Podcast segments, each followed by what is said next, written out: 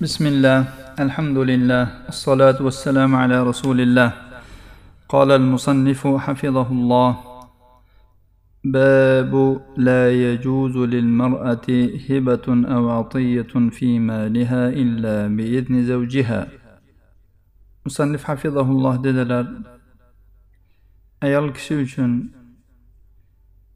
o'z molidan hiba qilish yoki faqatgina erining izni bilangina joiz bo'lish haqida.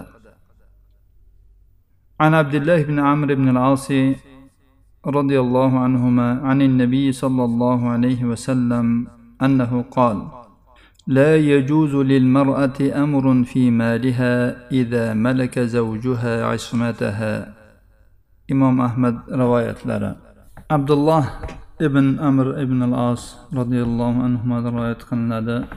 Nabiy sollallohu alayhi vasallam dedilar ayol kishi uchun eri nikohlab olgandan keyin ayol kishi uchun o'z molida biron ish qilish joiz bo'lmaydi. Bu hadisni quvvatlaydigan boshqa yana bir hadis. Vosila rivoyat qilgan. Imom tabaroniy kabirda rivoyat qilgan shayx alboniy sahih sanagan hadis. Bunda aytiladiki ayol kishi faqat erining izni bilangina o'z molidan biror narsani sarflashligi mumkin bo'ladi. Alloh subhanahu va taolo erkaklarni ayollardan afzal qilib qo'ydi. Alloh taolo bu ishni o'zining mukammal ilmi va yetuk hikmati tufayli qildi. Chunki alloh subhanahu va taolo mulk surasining o'n to'rtinchi oyatida aytadiki yaratgan zot bilmasmi? U latifa xabir zotdir. Ishlarning nozik tomonlarini ham biladigan har bir narsadan xabardor bo'lgan zotdir. Alloh subhanahu va taolo erkaklarni ayollarga afzal qilib qo'ygan narsalar jumlasidandir ushbu oyatdagi alloh taoloning so'zlariki alloh taolo niso surasining o'ttiz to'rtinchi oyatida dedi الرجال قوامون على النساء بما فضل الله بعضهم على بعض وبما أنفقوا من أموالهم alloh taolo ularning ba'zilarini ba'zilariga afzal qilib qo'yganligi va ular o'z mollaridan infoq qilganlari tufayli erkaklar ayollar ustida boshqaruvchidirlar. Ibn kasir rahimaulloh ushbu oyatning tafsirida dedilar. Erkak kishi ayol kishi ustida xo'jayindir. U ayolining raisi va uning hokimidir. Agar u qing'ir yo'lga kirib ketadigan bo'lsa yoki qing'ir ishni qilib qo'yadigan bo'lsa unga odob beruvchidir. Er ayolga nisbatan mana shunday manzilatda ekan. Ayol kishiga o'z molida biron atoni yoki hadiyani ajratishda faqat erining izni bilangina munosib bo'ladi.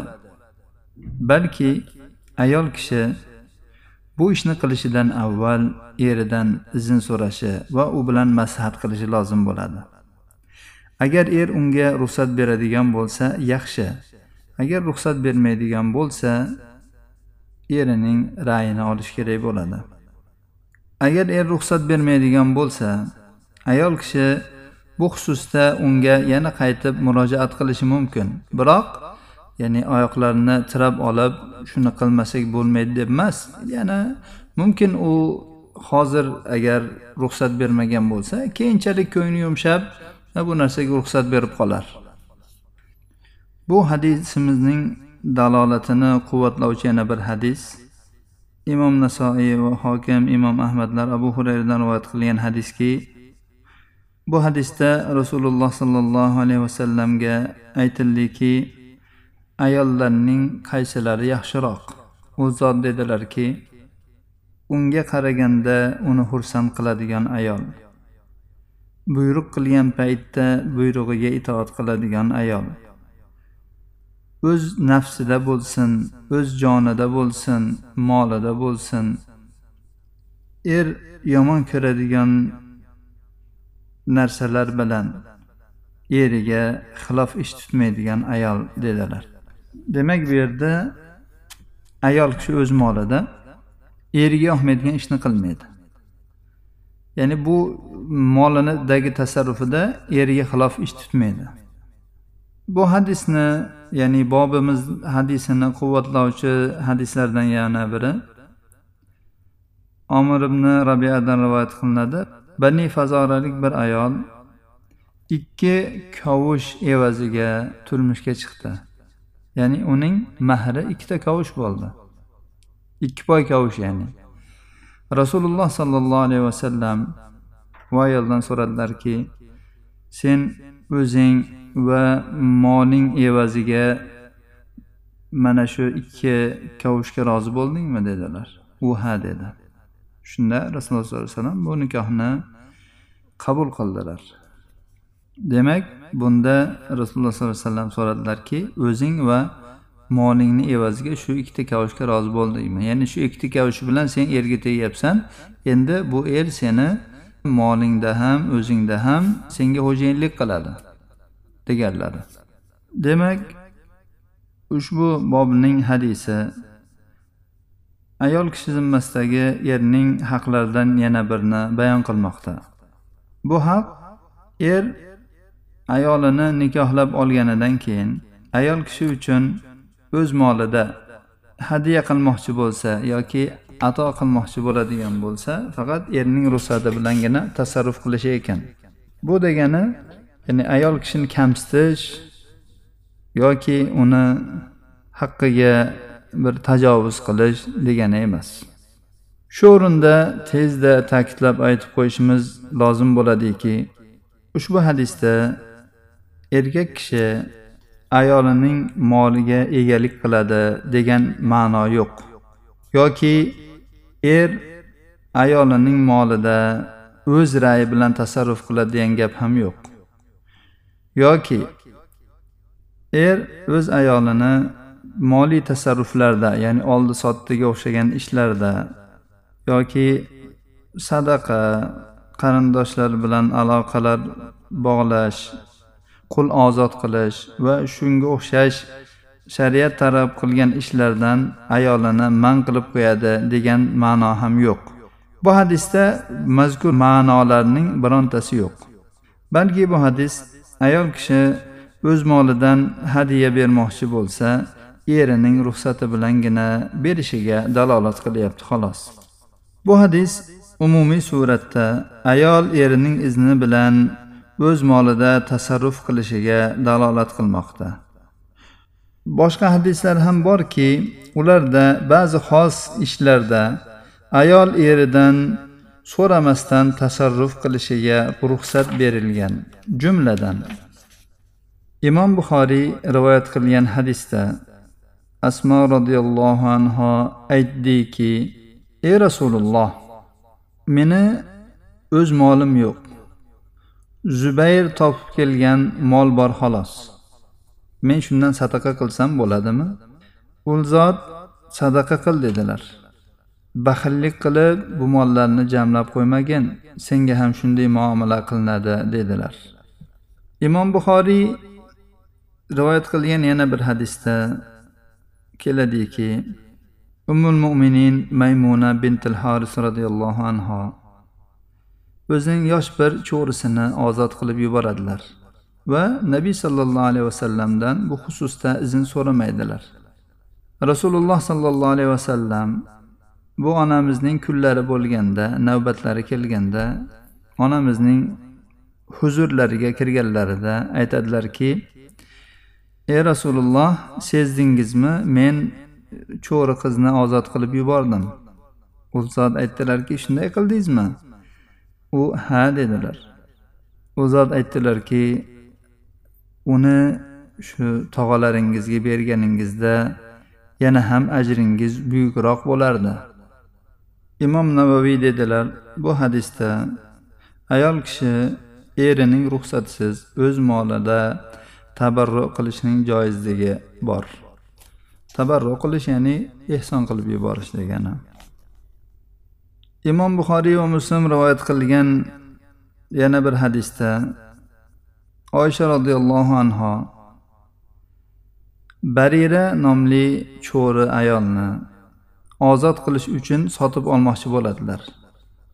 Shunda cho'rining hojalari buning viloyati valosi ya'ni bizga bo'ladi deb shart qilishadi. Buni oysha onamiz rasululloh sollallohu alayhi vasallamga zikr qilganlarida u zot aytadilarki uni sotib oling va ozod qiling. Valo ozod qilgan kishi uchun dedilar. Bu hadisda oysha onamiz barirani sotib olmoqchi bo'lganlarida rasululloh sollallohu alayhi vasallamdan izn so'ramadilar.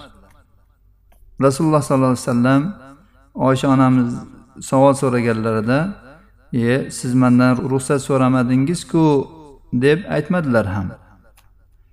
Imom navoiy rahimaulloh aytadilarki ushbu hadisning foydalaridan biri ayol kishi o'z molida oldi sotdi bo'lsin yoki qul ozod qilishda va boshqalarida agar oqila bo'ladigan bo'lsa bemalol tasarruf qilaveradi.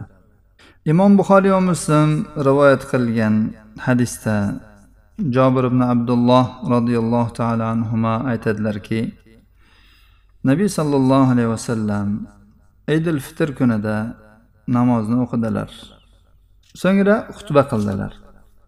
Xutbadan forig' bo'lgach ayollarning oldilariga bordilar va ularga ham pand nasihat qildilar. U zot bilolning qo'liga suyanib turardilar. Bilol esa etagini yozib turardi ayollar unga sadaqani tashlashardi. Atodan ushbu hadisni rivoyat qilgan ibn jurayj so'radi. Ular fitr zakotini berisharmidi? Ato aytdiki yo'q ular sadaqa berishayotganda ya'ni ixtiyoriy sadaqa berishayotganda va endi ayollar tilla taqinchoqlarini sadaqa qilib tashlashgan.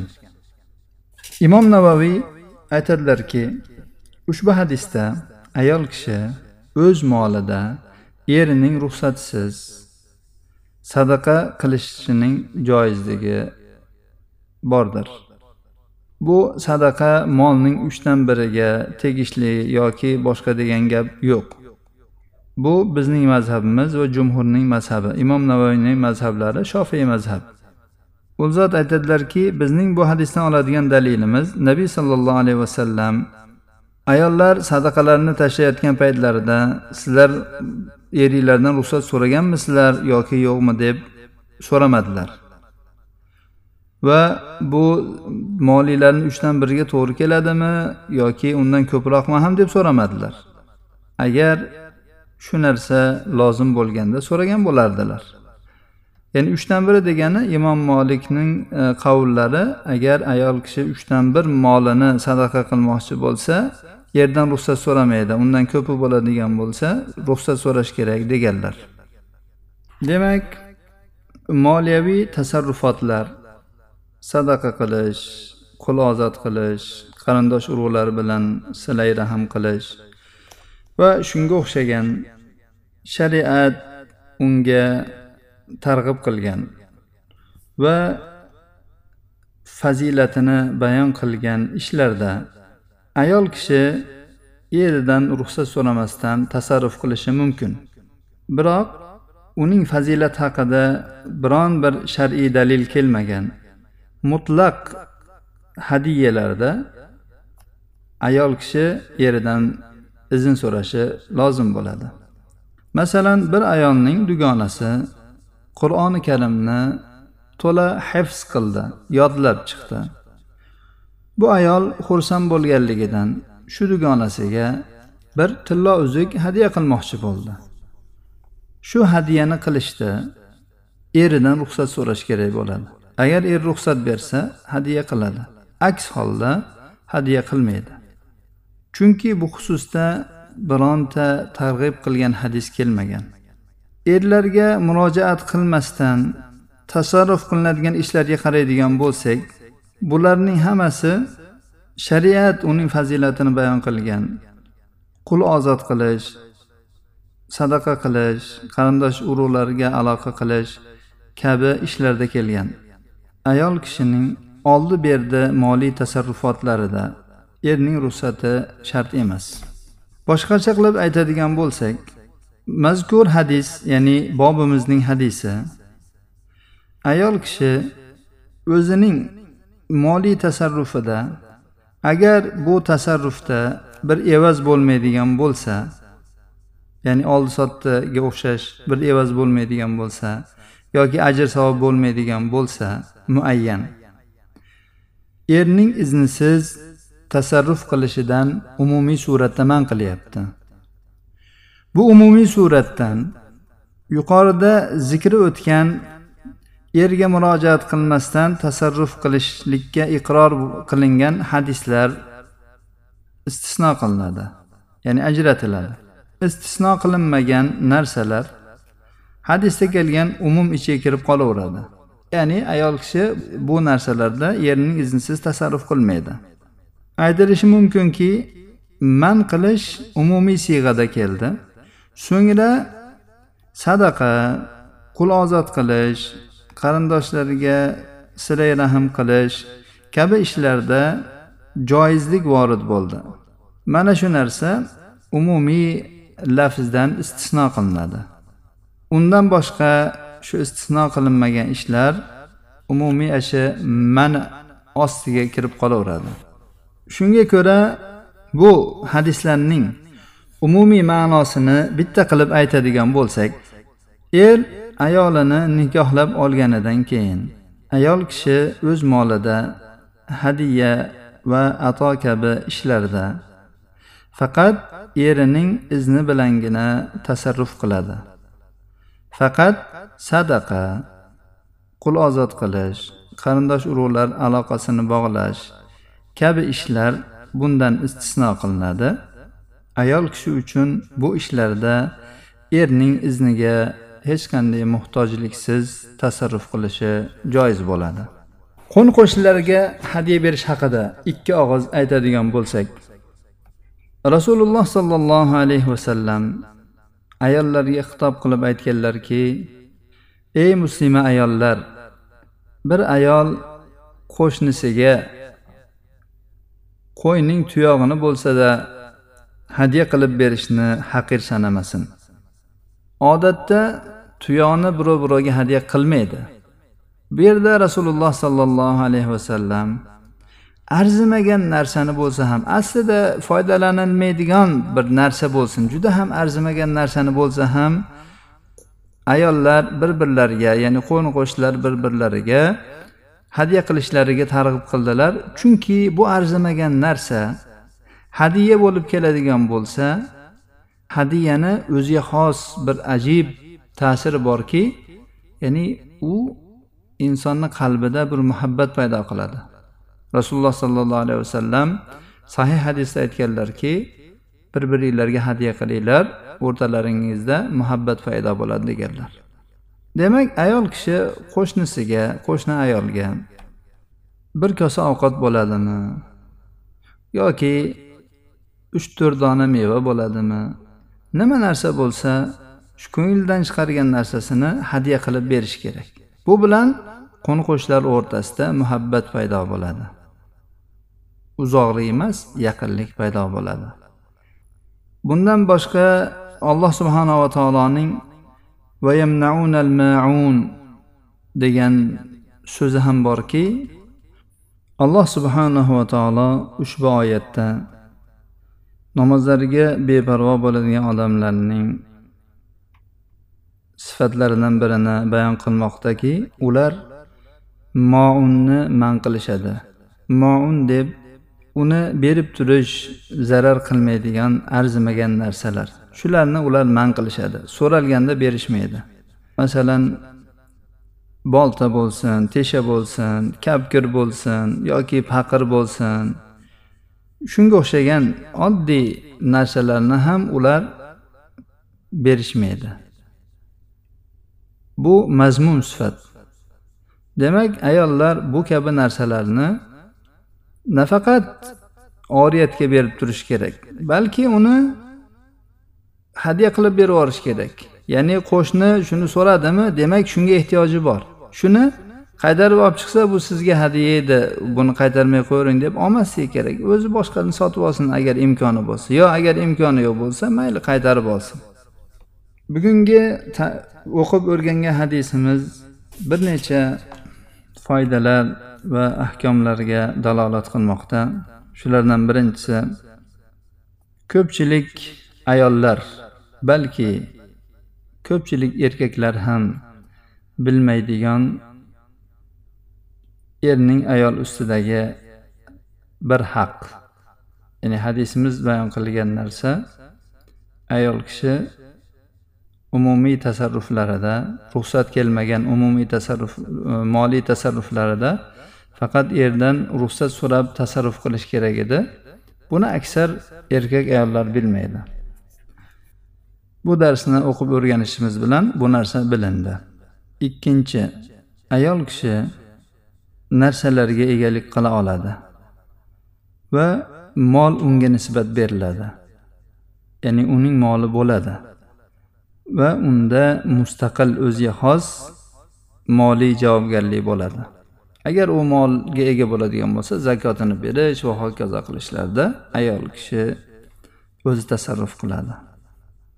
Uchinchi ayol kishining hadiyasi yoki atosi yuqorida ruxsat berilgan o'rinlardan boshqalarda erning izniga bog'liq ekan.